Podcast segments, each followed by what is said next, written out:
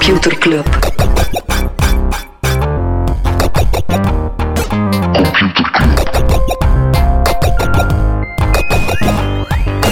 Computer Club. Hey Smolly, Hey Freddy, welkom, welkom terug. welkom. Welkom bij Computer Club, een wekelijkse podcast over technologie. Iedere aflevering selecteren Freddy en ik een interessant artikel en presenteren we een feitje. En het nieuws staat niet stil, hè, Smolly. De Nieuws dingen, de dingen veranderen. Ja, Sommige dingen zijn wel niet relevant genoeg om een volledige aflevering aan te wijden, Freddy. Ja, of soms verandert er zelf iets Oei. sinds een vorige aflevering. Ja, Echt? nee, even terugkomen. Eh, Apple, we hebben het daarover gehad, ja, die hebben eh, best wel wat kritiek gehad op een App Store model. Eh, en vorige week ging het over het feit dat ze ook de advertising-technologie de doodsteek gingen geven. Wel, op beide vlakken hebben ze nu zo ja, toch wat water bij de wijn gedaan. Ze hebben die AdTech, dus het feit dat tracking moeilijker zal worden in een nieuwe iOS, hebben ze uitgesteld tot volgend jaar. Eh, om het ecosysteem meer tijd te geven voor oplossingen. Dus Mhm. wel beseft van oké, als we weer te snel moven, dan maken we wel heel veel dingen kapot. En op app stores ehm, gaan ze geen bugfixes meer tegenhouden in afwachting van andere dingen die verkeerd zijn. En dus als je app tegengehouden wordt omdat die niet in lijn is met de App Store regels, gaan, ze die niet meer gaan ze bugfixes niet meer tegenhouden. Dus Mhm. je gaat wel nog updates kunnen doen om bugs te fixen, ehm, terwijl dat ze dan de andere kinken in de kabel eruit, eh, eruit halen. Alright. En dan de bekendste case natuurlijk, Ep- Epic versus Apple. Eh, en rond Fortnite. Eh, wel, daar heeft Epic nu wel interessante, in het kader van die rechtszaak, ehm, interessante cijfers gepubliceerd. Dagelijks actieve ehm, ehm, Gebruikers op iPhone? Fortnite-gebruikers. Ja. ja, die zijn 60% gedaald sinds die. eh, Mhm. Dus dat is wel echt pittig. Eh, en dus er zijn 350 miljoen Fortnite-spelers, waarvan 116 miljoen op iOS. Amai. Maar dat zijn zo kindjes op een iPad van de papa of zo, waarschijnlijk. Exact, exact. Dus ja, het is, toont wel dat dat, eh, ja, dat zeker niet zonder risico's is, de, de battle dat nu, Ja. dat nu gaan is. Voilà, oké, tot zover het terugkomen op We gaan het niet hebben over streams. Streams is gelanceerd. De Vlaamse Netflix. Abo. Ja, dus eh, ja, een, ja, allee, ik bedoel, wij zijn niet het doelpubliek, ik al sinds al helemaal niet. Ik zie een eventuele mogelijkheid erop dat dit wel iets kan worden, maar er zijn nog eh, heel veel mitsen en maren om dat effectief... eh, Ja, ik kan, ik kan het eigenlijk nog het meest verstaan. Ik kan het eigenlijk nog het meest verstaan als- een soort, ja, het is eigenlijk gewoon een doorstart van Telenet Play. Eh, maar dan met de VRT en dingen er nog bij, VTM. Ja, eh, en wat, maar wat ik wel raar vind, is VTM Go blijft dan wel bestaan. Ja, voor de gratis content met advertenties rond en zo. Ja, toch, toch dat simpeler gekund of zo. Tuurlijk, niet. ja, er is, ah, in een ideale wereld is dat een fantastisch ding waarop dat je zegt van hier gaan we zotte originals op knallen. Nieuw seizoen van het eiland, nieuw seizoen van Willy's en Mariette en zo. Maar kom, als we Ik eerlijk ben, zijn... ik, ben, eh, ik ben vooral content dat, eh, dat VRT er op zich aan meewerkt, maar onder, onder voorwaarden zijnde dat het niet ten koste gaat van VRT nu. ja, ja, dat ze kunnen niet- ze ook niet maken. Ze worden niet gegijzeld om Ja. hun content af te geven en dan zelf niks meer mee te mogen doen. Dus dat is wel een goede zaak voor de Vlaamse belastingbetaler. Welkom bij de NVA-podcast. Welkom bij het We eh, gaan het persbericht. Niet hebben over uh, Masayoshi Son. Toch ooit eh, heel lang opgehemeld als een soort visionair. Die heeft zichzelf ooit met Jezus vergeleken.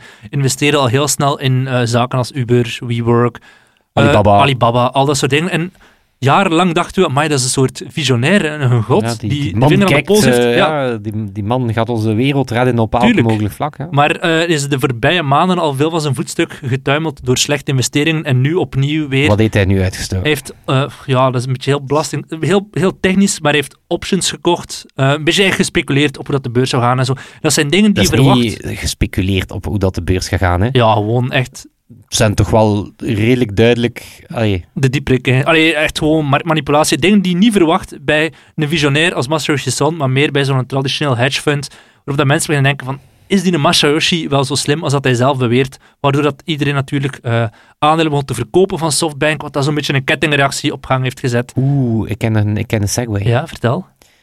Nog, een, eh, nog een grote schurk die wel stilaan van zijn sokkel dondert. Tom van Grieken. Jeff Bezos. Ah, Oké. Eh, Amazon, eh, ja, redelijk gênant. Die hebben een eh, vacature... Er is een vacature uitgelekt die dan meteen offline is gehaald. eh, voor een, een analyst die moet opsporen welke, welke Amazon-medewerkers die een vakbond zouden gaan vormen. Dus letterlijk een detectieve die moet gaan zoeken waar is het risico op unionization hier aanwezig. maar dat, ja, kom aan. allee. Hoe doe je dat zelfs? Ja, maar dus gewoon ja, gesprekken monitoren en doen. Maar ja, wat praktijken zijn dat? Allee, Ja. dat is, eh, union busting eh, 101. Ehm, en de klassieke reactie, het was blijkbaar een fout. Van de stagiair. Van een stagiair. Uiteraard. Een stagiair. Eh, nog cool, in India gaan Netflix, Amazon en Disney aan zelfregulering doen. De overheid in India had gezegd van, wij gaan beginnen censureren of aan regulering doen, zoals het dan netjes heet.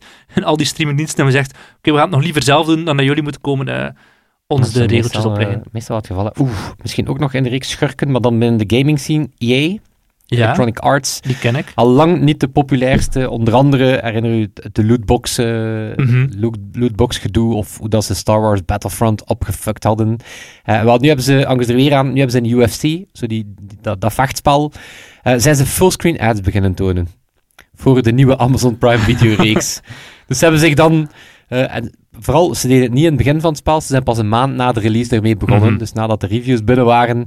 Eh, maar het, eh EA heeft intussen de ads uit het spel gehad. Maar alleen, Ja, enkel EA kan in een spel dat 70 dollar kost fullscreen ads steken. eh. Ja, classic. Ja. Heb je nog een, niets hebben over? ja, ehm, ook zo'n een, een thema dat blijft terugkeren. Desinformatie. Eh, inmenging, inmenging in eh, de verkiezingen. Eh, Google en Facebook die hebben een stevig Russisch initiatief ontdekt. Ehm, ja, klassieke verspreiden van, of, of proberen manipuleren van Amerikaanse kiezers. Maar wat zeer opvallend nu is hoe realistisch dat was. Het waren zeer realistische linkse websites. Ehm, blijkbaar content geschreven door Amerikaanse natives. Dus Mhm. effectief gewoon kwalitatieve content. Eh, user eh, computer-generated profielfoto's. hè, dus, dus het was echt ehm, met- fake auteurs. Ehm, en dat was, dat, was, ja, dat was echt zo, ja, Biden is niet links genoeg. Dus het, is Mhm. zo, het is niet meer zo van die obvious manipulatie. Het is echt gewoon... een- Het had echt kunnen zijn, ja. het had echt kunnen zijn. En, en, en ja, dus ze hebben het nu opgespoord, maar het blijft toch wel een beetje, een beetje dweilen met de kraan open, denk ik dan. Ja. eh. Is natuurlijk ook wel zo dat Biden niet links genoeg is. Maar dat is voor een andere podcast. ja, dus, doe jij die nog, uw andere podcast? Ja, nee, het, is, het heeft echt geen, geen nut meer in deze COVID. De verkiezingen zijn zo onlogisch geworden dat je gewoon geen podcast meer kan maken over de Amerikaanse verkiezingen. Voilà, bij Dus de helaas. Just zijn, voor de mensen die niet weten wat dat uw andere podcast is, maar kijk, voilà, Voilà. Amerikaanse verkiezingen. Dat is voor binnen vier jaar. Freddy, Smolly. ik heb ook een artikel gelezen uit de New York Times, een stuk uit de New York Times, die zegt van, kijk, we hebben het hier wel over TikTok, eh, met de Amerikaanse ban op Chinese apps, maar eigenlijk is het een app die nog veel erger is, die ook in Amerika heel populair is, WeChat uiteraard. Het is wel interessant wat dat, dat stuk poneert, dat zegt van, kijk, die twee apps, die brengen de Chinese versie van het internet naar het westen, maar het is niet helemaal hetzelfde. TikTok, die doet dat. TikTok, ByteDance, eigenlijk, die hebben twee apps. Die hebben TikTok in het westen en Douyin in China. En dat is eigenlijk heel gesplitst. En zij zeggen van, ja, kijk, het is vooral een Mark Zuckerberg die er bij het Witte Huis op hamert van TikTok is heel slecht en dat moet ehm, verbannen worden en zo. zo erg zelfs dat, dat ze in het Wall Street Journal heeft de White House moeten verklaren van, wij luisteren niet naar Mark Zuckerberg, hij heeft nul invloed op de regels eh, die nu geschreven worden. We, zijn effectief wel bang van TikTok, want New York Times zegt, ja, TikTok, eigenlijk doen die niet zo heel veel verkeerd. Maar veel is wel, ik, wat, één, één iets dat, waar, wat, waar, waar, wat TikTok vind ik zelf wel gevaarlijk maakt, is, en tevens de kracht van TikTok, Mhm. en tevens ook de reden heb je gezien waarom dat een deal mogelijk niet doorgaat, dat is het al aanbevelingsalgoritme. Ja. En ByteDance heeft daar eigenlijk wellicht het beste, eh, en ook het succes van TikTok, je opent die app en je moet eigenlijk niet per se iemand volgen, je krijgt gewoon super Mhm. verslavende content te zien. Ehm, wat ik wel kan verstaan, is het feit dat dat een volledige blackbox is, in China ontwikkeld. Dus ik versta wel dat er, het is niet super nice. Eh, maar opnieuw, dan is de reden niet dat ze zeggen van TikTok moet verkocht worden. Dan moet je Mhm. gewoon zeggen, we willen controle over Wat zijn de parameters, inderdaad? We willen inzicht in algoritmes. Maar bon, ik snap wel dat het... Ik snap wel dat er, ja, dat een blackbox algoritme, dat zo'n impact heeft op 2 Ja. miljard mensen. Ik kan het wel nog verstaan, oké. Wat dan nog veel erger is, is WeChat. Want WeChat is eigenlijk één sociaal netwerk. Dat, als ik nu WeChat hier download of in China, is dat dezelfde app. En ze zeggen wel van ja, er zijn andere regels voor binnen en buiten China. Maar in die end is dat wel een en al hetzelfde platform. En Donald Trump die heeft lang getwijfeld om die apps te verbieden of niet. Is nu toch een beetje aan het bijdraaien. Eh, Want het oorspronkelijke plan was dat Amerikaanse burgers en bedrijven vanaf midden september gewoon niets meer van handel met WeChat zouden mogen drijven. Er is veel kritiek op gekomen. En nu zegt hij van oké, het mag enkel in de VS niet. Want ik denk dat hij ook bijvoorbeeld heeft gezien wat dat ehm, Apple met Fortnite heeft kunnen doen. Gewoon zegt van die app mag toekoer niet meer op iPhones. Stel dat Donald Trump zo zot zou zijn om te zeggen WeChat mag toekoer niet meer op, op een iPhone, dat er heel veel Chinezen zouden zeggen ja, sorry, maar dan heb ik nog liever een andere telefoon waar wat wel kan dan, dan dan een iPhone waarop ik geen WeChat kan draaien. Dat zou het Amerikaanse bedrijf Apple toch als keert gekletst hebben. Trouwens, dat is, de, dat is eigenlijk een van de grote uitzonderingen trouwens op de App Store regels, hè. WeChat. Want wat mag er in principe niet, remember, En een ecosysteem binnen... eh, een App Store binnen een App Store. ja, ja, want wat dat maar WeChat in is... China, in China mag het wel, want Ja. WeChat is eigenlijk de facto een besturingssysteem, is eigenlijk een mobile operating system. Ehm, Ja, voor mensen die niet zouden Dus- weten wat dat WeChat is. WeChat is eigenlijk een applicatie die begonnen is als een soort WhatsApp. Maar er zijn heel veel plugins daarop. Je kan daar, in China kun je daarmee betalen, kun je daarmee een doktersafspraak regelen. Allee, eigenlijk een soort Alles. power app. Een KBC Mobile van China. Ja, maar, de, maar de, ehm, er, wordt, er zijn bijvoorbeeld meer eh, WeChat-channels dan dat er Chinese websites zijn. Ja, Ja, dus, dus daar is dat niet, als je een zaak begint, ga je niet zeggen, ik zet mijn site online via Mhm. Squarespace. nee, nee. Je zegt, ik maak een toepassing op WeChat. En er zijn dus 50 miljoen Chinezen die buiten China wonen, wat dat gigantisch veel is. En die worden ook, ja, die, die zijn ook allemaal massaal gebruiker van WeChat in eerste instantie om contact te houden met een familie in China. Ze hebben zelfs ooit een campagne gedaan met Lionel Messi. Echt fucking geniaal. Ik ga die video in de, in de groep posten. Een video van Lionel Messi die reclame maakt voor WeChat. En voor die mensen is, ehm, is de impact wel nog altijd groot. Omdat ik zeg, dit is een Chinese vorm van internet en er is een, een Canadees bedrijf, Citizen Lab, die heeft gezegd en heeft onderzocht en gevonden dat zelfs buiten China is er een beperkte vorm van censuur op WeChat. Dus als, jij, als ik hier in België dingen deel over Tiananmen Square of Tibet of zo, dan zal er nog altijd gecensureerd worden. Maar in China is het uiteraard nog veel erger. In dat stuk van de New York Times hebben ze het over een vrouw, eh even zijn naam, mevrouw Lee, uiteraard, die vanuit Amerika, eh, die woonde in Amerika, die dat toen al door van, die app wordt hier gecensureerd, toen in China teruggekeerd en daar redelijk kritische dingen gepost. En dus echt gewoon met vier politieagenten eh, s s'nachts uit bed gehaald en gaat maar ik gaan uitleggen op de politiekantoor. Dus het is heel, heel tricky nog altijd. Ik heb gisteren, of eergisteren, Maar dat is trouwens, remember het verhaal met Huawei? ja, Ehm, en we hebben dat toen zelf vermeld, dat verhaal. Dus Huawei probeert, probe- ey, probeert te verklaren van, ja, nee, wij zitten niet in de zak van de Chinese Mhm. overheid. Maar op een gegeven moment waren er Huawei-engineers die op, op WeChat aan het spreken waren over het feit dat ze met Iran iets aan het uitwerken Mhm. waren, wat natuurlijk ook niet zo... En dan zijn die plots uit hun bed gehaald, ook door de Chinese Yep. politie. En dan moet je inderdaad afvragen van, ah ja, nee... ehm, allemaal, allemaal legit. tuurlijk. Ik heb iedereen, gisteren dus ook- iedereen. Ik heb gisteren dus als, als ware onderzoeksjournalist WeChat nog een keer gedownload. Ik heb het ooit een account gehad en, en nu opnieuw gedaan. En die onboarding, dat trekt op niets. Ja, is helemaal Chinese dienstenchecks. super brak. eh, ja, op een bepaald moment dus allemaal in het Engels. Opeens komt er zo'n Chinees scherm met alleen maar Chinese tekst en zo'n vakje van, ik wist, oké, dit moet ik hier aanvinken, maar ik weet niet wat ik gedaan heb. Ik ben volgens mij nu lid van de communistische maar partij dat is een China. beetje hetzelfde dat je zo'n een, dat is een beetje hetzelfde dat je zo'n marketing cookie ding hebt. dat denk, verstaat dat ook dat niet denk van. ik. Hij verstaat ook Ja, niks van. Dit was allemaal in Chinees. Gewoon, ah, gewoon op oké doen. Ja, denk, ofwel heb ik iets besteld in een restaurant, ofwel heb ik een lidkaart gekocht van de communistische partij. Maar je kan er ook niet zo heel veel mee doen. Dat is de eigendom van de communistische partij. Ja, natuurlijk, ze komen je wel, hè. halen. Hè. Maar je kan er als buitenland, allee, als, als mens buiten China niet zo heel veel mee doen. Ik denk, de mensen dat ik erop zag, maar je kan zo, er is een soort Tinder-achtige functie waarop dat je kan zien wie is er in de omgeving hier. Er zat ongeveer tien Belgen of zo op WeChat. En dat zagen er mij allemaal mensen uit die ofwel familie hadden in China, ofwel connecties daar hadden. Of gewoon de Chinese geheime dienst. Ja, bijvoorbeeld Die de zes andere gebruikers. Patrick.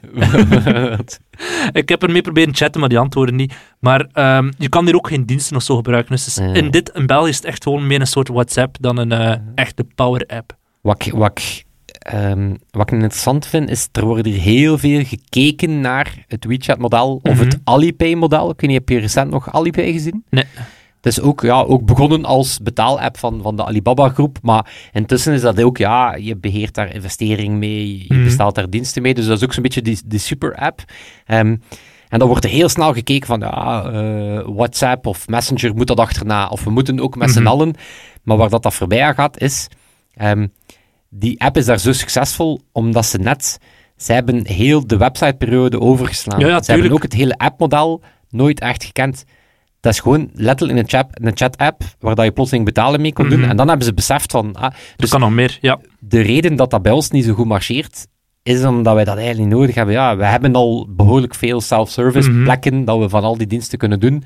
Dus we hebben al een goede mobiele website. Ja, ja. Of het kan altijd beter, maar dus dat is wel de reden dat dat WeChat-model hier ook niet één op één Nee, werkt. die, die tool, als je dat ziet, wij zijn de westerse UX-standaard gewend, maar dat is zo lelijk. Dat is zoals met Flipkart. Hè. Als je die website bekijkt, maar dat is waarschijnlijk ook bedoeld voor mensen met heel weinig bandbreedte in, in, in een afgelegen dorp of zo, dat ze het toch nog kunnen gebruiken. Maar daar zit niets van design achter. Dat is gewoon simpel, wit, lelijke icoontjes. En dat is heel brak, maar er zal waarschijnlijk wel een filosofie achter zitten. Hè. En trouwens, moet ik een keer een voorspelling in? Ja? Ik zeg dat TikTok niet verkocht wordt, hè. Nee. Zo, nee. Nee. Enige eh, scenario dat ik zo nog... Microsoft, maar... Nee. Nee, ik denk omdat finaal, finaal zie ik Nadella gewoon zeggen, dit leidt af. Mhm. En zo, En het is ook heel veel geld dat ze gewoon neerleggen. heel veel geld voor, voor wat gaan ze er uiteindelijk mee winnen. Het gaat hen afleiden van het feit dat, dat ze aan het boomen zijn in Mhm. cloud, dat ze aan het boomen zijn in productiviteit. Dus waarom zouden ze plotseling de heetste patat van heel het spel eh, aanraken? En dan heb je Oracle en dan... dan Oracle ik denk is dat Ben helemaal Thompson, dat was dan een Ben rare Thompson match. zijn analyse, die zei misschien kopen, vasthouden, uitspinnen en dan als de Biden-administratie er komt en, en dan zegt oké, het is iets minder problematisch, gewoon terugverkopen of zo. Mm. Gewoon letterlijk als een soort tijdelijk investeringsvehikel opwaarderen en terug... Misschien terugschrijven. Son het wel. Ja, die zit er sowieso achter. nee, maar ik denk, allee, het, het, het power move van China natuurlijk, ja, we hebben het niet wel, China heeft ehm, een wet gestemd die zegt dat je niet zomaar Chinese technologieproducten mag exporteren naar het buitenland. En wat valt Mm. daaronder? Het Ja. ByteDance-algoritme. Ja, en TikTok, oké, mooie userbase, maar TikTok zonder het algoritme... Nee, dat is niets. allee, Allee, ik denk dat is een doos, maar- dat is eigenlijk geen lege doos, dat is een volle doos, maar zonder de machinerie erin. Ja. Dus dat plotseling veel minder interessant is. Ik denk, grote, grote scheet in de fles, jong. Mm. We zullen het zien. Ik heb die, die WeChat-app gelukkig wel verwijderd van mijn smartphone, maar dat voelt nu wel een beetje alsof je zo'n condoom uit een pakje haalt en hem al klaar hebt gelegd en dan beseft, ik ga er toch niets mee doen. Die ga je niet meer gebruiken, toch, een paar dagen later. voelt echt heel vies, mijn smartphone. Nu, er zit sowieso allemaal Chinese spyware op, dat ik niet Ja, meer... had dat zo later moeten uitleggen. Later dan ligt die condoom daar plots en dan zo, ja, het was voor een podcast. Ja. Het was voor een podcast. Mijn smartphone is bezeten door de Chinezen nu. Ja. Freddy, mag ik een, eh, via WeChat een jingle voor jou kopen? Ja, voilà, we- via de WeChat-channel. Computerklas. Nee, het is, een, het is volledig een thema. Ehm, misschien een open deur intrappen, maar ehm, gisteren eh, toch nog eens moeten uitleggen dat het niet het geval is. Ehm, de classic case. Facebook luistert mij af via mijn telefoon. Ik wist het. Ik wist... Ik ga geen namen noemen, Tanja en Karen. eh, maar eh, ja, dat is zo, het duikt om de, om zoveel tijd wel op. Iemand, iemand van je vrienden die beweert, nee, nee, ze luisteren Ja. sowieso via je microfoon af, want dit, en dan komt er altijd een geval, we waren erover bezig. We waren zelf niet eens aan het typen, en dan krijg ik plotseling die, die advertentie. We waren bezig over verzekering. En dat kan echt niet dat ik als dertiger die net een huis gekocht heeft, een reclame voor verzekering zou Voilà. krijgen. Ja. Maar dus ik ben, ik ben hey, om, om eens gewoon het, het bewijs, eh, dus, dus een aantal zaken. Waarom dat niet kan, waarom dat ze Mhm. het niet nodig hebben, en waarom komt dat dan dat we toch het gevoel hebben dat Ja. dat goed is. Dus waarom dat het niet kan. Eén, permissions. Een app kan letterlijk niet zomaar uw microfoon aanzetten. Eh, beeld u Apple en zijn grote privacyverhaal in, Mhm. maar dan elke app op iOS die in de achtergrond uw microfoon kan Ja. aanzetten. Dus het kan letterlijk al niet. Pas op, er zijn wel mobile apps die toestemming vragen om je microfoon te gebruiken, zo van die mobile games. Mhm. En die luisteren dan wel naar je achtergrondlawaai om, om je te profilen, of dat je thuis zit, of dat je op het werk zit. Dus er zijn wel apps die shady dingen doen, maar nooit in de achtergrond. Mhm. dat, dat, dat kan eigenlijk al niet in het app-model. Maar eigenlijk de belangrijkste waarom dat niet kan, de hoeveelheid data. Een ex-Facebook-engineer, die kan het weten, die zegt, moesten wij alles meeluisteren, dan hebben we 33 keer zoveel data als dat we nu al moeten verwerken. Nu, Facebook verwerkt al behoorlijk veel Mhm. data, dus zoveel data. En dan zegt iedereen, ja, maar Siri en Alexa luisteren ook mee. Ja, maar die luisteren heel gericht naar een wake word. Die Ja. luisteren enkel naar oké oké Google of Hey Siri. Mhm. Ehm, het zou letterlijk al niet kunnen. Je moet eens proberen kijken. In elk gesprek proberen zoeken naar wat een koopvoorkeur is. of ja, voilà. Ja. Die engineer zegt ook van, zelf al vermeld je een merknaam, mensen babbelen soms ironisch over dingen. Mensen bashen ook over dingen. ja. Mensen, de, dus die zegt ook van, AI kan het ook... Eén, we kunnen de data al bijna niet verwerken. En twee, De je semantiek kan daar ook, verloren. je Ja. kan daar ook niet uit detecteren. En dan komt het grote punt, ze hebben eigenlijk die data totaal niet nodig. Mhm. Ze kunnen nu al mega ehm, targeten. Ehm, bijvoorbeeld de Facebook Tracking Pixel, die kennen we misschien. Het moment dat je ooit naar de website gegaan bent van een bedrijf, voilà, dan word je Mhm, getracked. mhm. En eh, op, op een computer dat je ook ingelog- ingelogd bent op Facebook, voilà, dan zit je ergens in die doelgroep. Eh, Facebook kan eh, bij wij bij blijkbaar 52.000 categorieën targeting aan. Dit is mijn favoriet. Je kan targeten op a person who likes to pretend to text in awkward situations. dus, eh, en, Wat zou die persoon willen kopen? ja, dat is eigenlijk, ja, Inderdaad. dat is Wat, eigenlijk al, wat verkoop je aan, aan dat soort mensen? Zwat.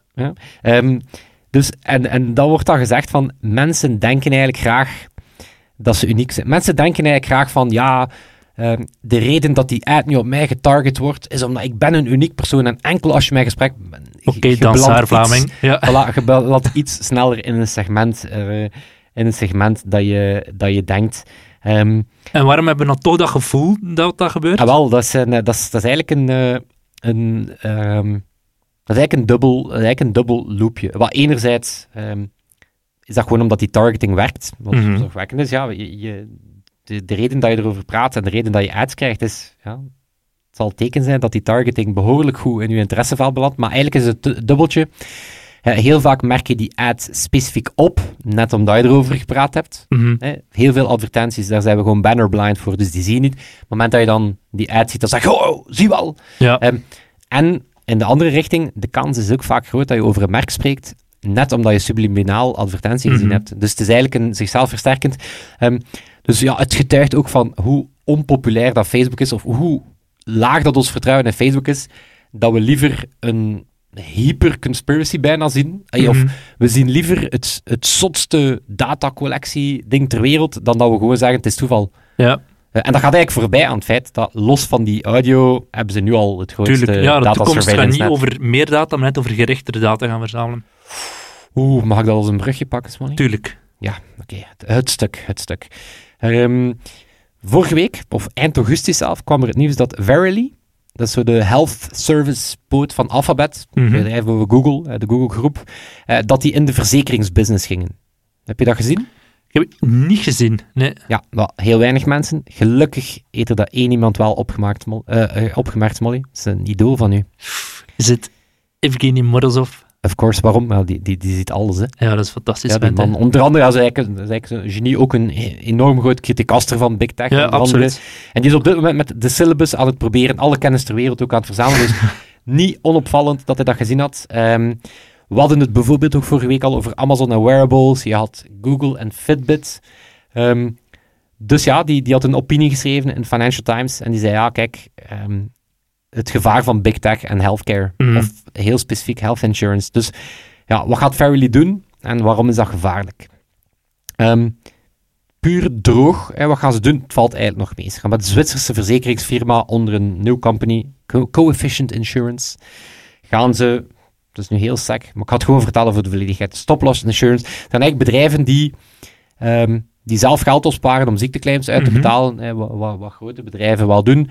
Ehm, eigenlijk gewoon indekken, vanaf dat die kosten te groot worden, dan betaalt die verzekeringsfirma dat terug. Dus een beetje Mhm.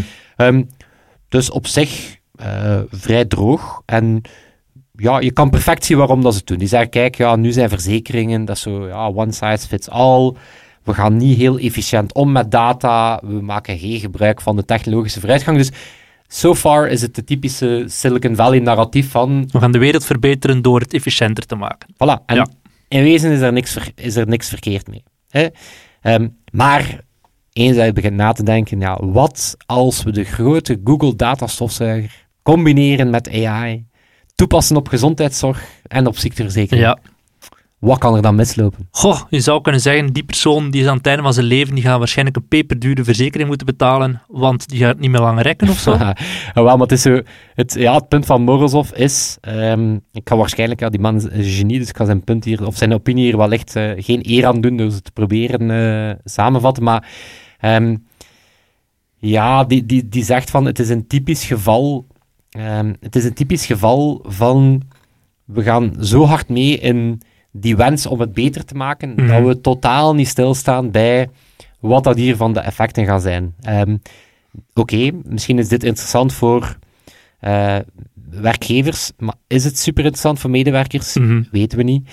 Want met verzekerden, maar wat, wat, wat gebeurt er dan met mensen die niet verzekerd zijn? Eh, wat gebeurt er met zieken versus gezonden? Dus typisch geval dat we niet lang genoeg stilstaan bij het punt dat hij maakt is, ja, wellicht is dat allemaal positief om een gezonder werkplek te hebben enzovoort. Maar we staan totaal niet stil voor, met al diegenen die achterblijven. Mhm. Dus typisch geval van zo'n move fast, maar niet stilstaan bij wat echt de... Ja. ehm, en het probleem is ook, zegt hij, de wetgeving komt daar ook achter.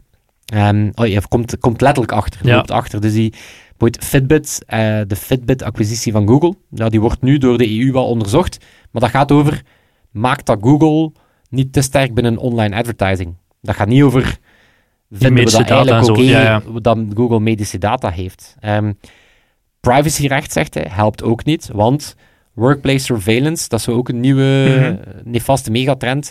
Ja, medewerkers moeten wel instemmen met ja, hun, hun arbeidsvoorwaarden. Dus Mhm. als, die mede, als die zegt, ja, kijk, deel van onze gezondheidsverzekering is hè, dat we... Nou, wat ga je doen? Ja, Hè, dus ehm zegt ook van, het is typisch, want ja, we hebben daar nog geen maatschappelijk debat rondgevoerd. Van, willen we eigenlijk wel dat zoekgedrag, Ja, dat is met veel van dat soort dingen, inderdaad. Voilà, dus het, het begint eigenlijk initieel. ehm, initieel is er niet zo heel veel aan de hand. Hè. Initieel zeg je: oké, we, we, nemen een, we nemen een dataset en we gaan, daar, hè, we gaan daar wat AI op loslaten om een beter model te hebben. Mhm. dus, maar dan begint dat eens: oké, maar welke data? En ook gevoeld ook, ja, want er was al eerder kritiek bijvoorbeeld op het feit dat Google DeepMind met de NHS ging samenwerken in de UK. NHS is de Dat is de- gezondheidszorg. de gezondheidszorg in de UK. Ja. Dus dat was toen al ja, best wat protest van, ja, oké, maar dat is wel echt patiëntendata. Mhm. Ehm, zeker toen dat DeepMind dan ook deel ging uitmaken, letterlijk van Google Health. Hè, dus het was een beetje een spin-in van, hè, deel van Google. Ehm, maar bijvoorbeeld ook al een, ziek- een, een, een life insurance partij die zegt, ja, we gaan wearables beginnen gebruiken om je police. En dan voel je, de initiële case wordt iedere keer gevaarlijker en gevaarlijker. Mhm. Of bijvoorbeeld Apple, een, een, een, een verzekeringsbedrijf die ook al Apple Watches gebruikt. En ja, het, het, wordt, het wordt gevaarlijker en gevaarlijker. Dus ehm, ja, dat, dat, is, dat is eigenlijk een, een, een grote vraag van hoe ver willen we eigenlijk dat die platformen gaan? Ja. Eh, En want zeker nu omdat je is weet, de gezonde, de gezonde mensen gaan er geen last van ondervinden, maar mensen die sowieso in de pinaren zitten, gaan nog meer, eh, gaan een duurdere polis moeten betalen en zo. Ja, voilà. En het is, het, het, het, het, het, het- wat ik opmerkelijk vind, is... ehm, eigenlijk zegt hij niet, niks spectaculair nieuw. Wat wel interessant is, en ik zal die ook linken in de show notes, hè, dus eh, voor de mensen die geïnteresseerd zijn in de artikels die we, die we dan vermelden, hè, op onze website eh, vermelden we altijd de bronnen. Het interessante is dat, dat Morozov in 2014 eigenlijk al basically hetzelfde opiniestuk geschreven had. Nou ja, Morozov is echt al een decennium lang bezig met Voilà, dit soort technieken. waarin dat hij letterlijk dit voorbeeld vermeldde Mhm. van, kijk, om een voorbeeld te noemen, en het is één op één de Yep. play van wat nu aan het gebeuren is. En teleurstellend is dat we hebben nu al in tal van sectoren gezien wat de impact is van de grote techspelers, wat, de, wat de, het gevaar is van grote dataplatformen. En toch gaan we nu in een soort healthcare spirit, of in een gezondheidsspirit, gaan we weer met dezelfde partijen Yep. exact hetzelfde voor hebben. Zeker nu onder COVID-19 zit iedereen zo in die mindset van gezondheidszorg moet gedigitaliseerd worden en zo snel mogelijk. Voilà, dan kunnen er dat soort dingen ja, snel maar hij vermeldt, op, hij vermeldt het ook. Hij vermeldt ook, ja, het, het, het, eh, het exposure notification Mhm. framework. Zegt, ja, eigenlijk is het goed. Het, het volgt, het volgt privacy ja. aanbevelingen. Maar hij zegt, ja, toch weer jammer dat het toch weer twee zeer machtige spelers zal zijn die het, die het het ontwikkelen. doen. Ehm, dus ja, die, die zegt, het, het, het, de oplossing gaat niet technocraten zijn die wetten schrijven, die dan toch proberen achter te komen. De oplossing gaat zijn dat we eigenlijk als maatschappij echt eens ehm, grondig een, een, een babbelke doen over... Ja, Ja, het probleem is alleen dat heel veel we- mensen, één, niet geïnformeerd zijn en twee, er ook gewoon totaal niet van wakker liggen. Dat tweede, ja, dat, dat tweede... Ja, nee, de beide zijn, ja. Ja. Eh, ja, en het blijft ook abstract, hè. Mhm. Het blijft een heel abstract, omdat inderdaad de... ehm, kijk, weet je, ik ben geen gezondheidszorgkenner, weet je, of Mhm. ik, ik, ik ben geen systeemdenker dat... Ik kan, niet, ik kan niet voorspellen wat inderdaad... Wat zijn de effecten op onverzekerden en al. Ik ben geen expert. Maar eh, net daarom, net omdat heel veel van de mensen die dat soort dingen doen ook geen experts zijn, zouden Yep. we misschien beter met wat experts spreken die wel dat soort Mhm. eh, scenario-planning kunnen doen en die wel kunnen, kunnen schetsen wat, wat de worst-case scenario Ja, is. Want het best-case scenario is de max. Hè? Ja, tuurlijk. Maar dus het ondergraaft gewoon heel het systeem van de gezondheidszorg. Zijnde, iedereen betaalt evenveel. En er zijn mensen die meer betalen, die gewoon nooit ziek worden. Ja, pech voor hun. Mensen die vaak ziek zijn en die gelukkig veel kunnen ontvangen. Maar als je dan zegt van mensen die veel ziek zijn, moeten sowieso veel meer betalen. ja, dat, dat ondergraaft heel het... eh, ik zit er nu weer met het socialistisch systeem dat ondergraafd wordt, maar whatever. Eh, dat is inderdaad Ja. het, het maar, maar zelf al wordt er niet per se gezegd van je gaat meer moeten betalen. Het is toch zo, ja. Het, het, het ondergraaft inderdaad het feit dat je in principe allemaal gelijk zou moeten inderdaad. zijn. Weet je? Ja. Die data brengt dat gewoon al voor een heel groot stuk in gevaar. Ehm, ja, voilà. Maar Smolly, we hebben hier zware topics de laatste weken. Ik eindig hier iedere keer zo wat. Volgens mij komt er en- zo in een eh, Amazon-medewerker, omdat we een vakbond aan het vormen zijn, eh, binnengestormd. Ja, en dan nog Chinees en eh, geheime dienst. Als deze podcast dan niet gevaarlijk was, dan was dat aan deze aflevering helemaal wel het geval. Edgy. Wat doen, wat doen echte bad boys en bad girls? Op hun website eh meer informatie posten? Nee, Voilà. hoe is er? Voilà, ja, inderdaad. Was mensen- effectief, hè? Maar ja, mensen die inderdaad meer info willen, ga gerust eens naar onze website computerclub.online. Eh ook supercool, we hebben, eh, we hebben nieuwe pins. Nice, ja, ik Ja. heb ze hier voor mij liggen. Ze Voilà. zijn shiny, doorzichtig en er staat een computer beetje op. gebaseerd op, onze, op ons t-shirt ontwerp, een beetje 80s. Ja, heel vet. Heel kleurrijk, supercoole pins. En we, we gaan er 10 weggeven aan de volgende mensen die via de shop iets bestellen. Ja, zijn er een t-shirt of een trui. Voilà, voilà, voilà. De blauwe truien zijn ook terug. Zo wat de IBM geïnspireerde blauw-witte truien, die zijn eh, terug van lang weg geweest. Top. Wie moeten wij deze week bedanken voor de edit? Deze week Sebastiaan.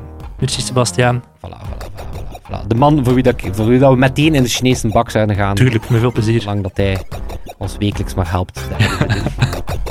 Freddy, dat zal het zijn. Tot volgende week. Tot volgende week. Yo. Yo. Computer Club.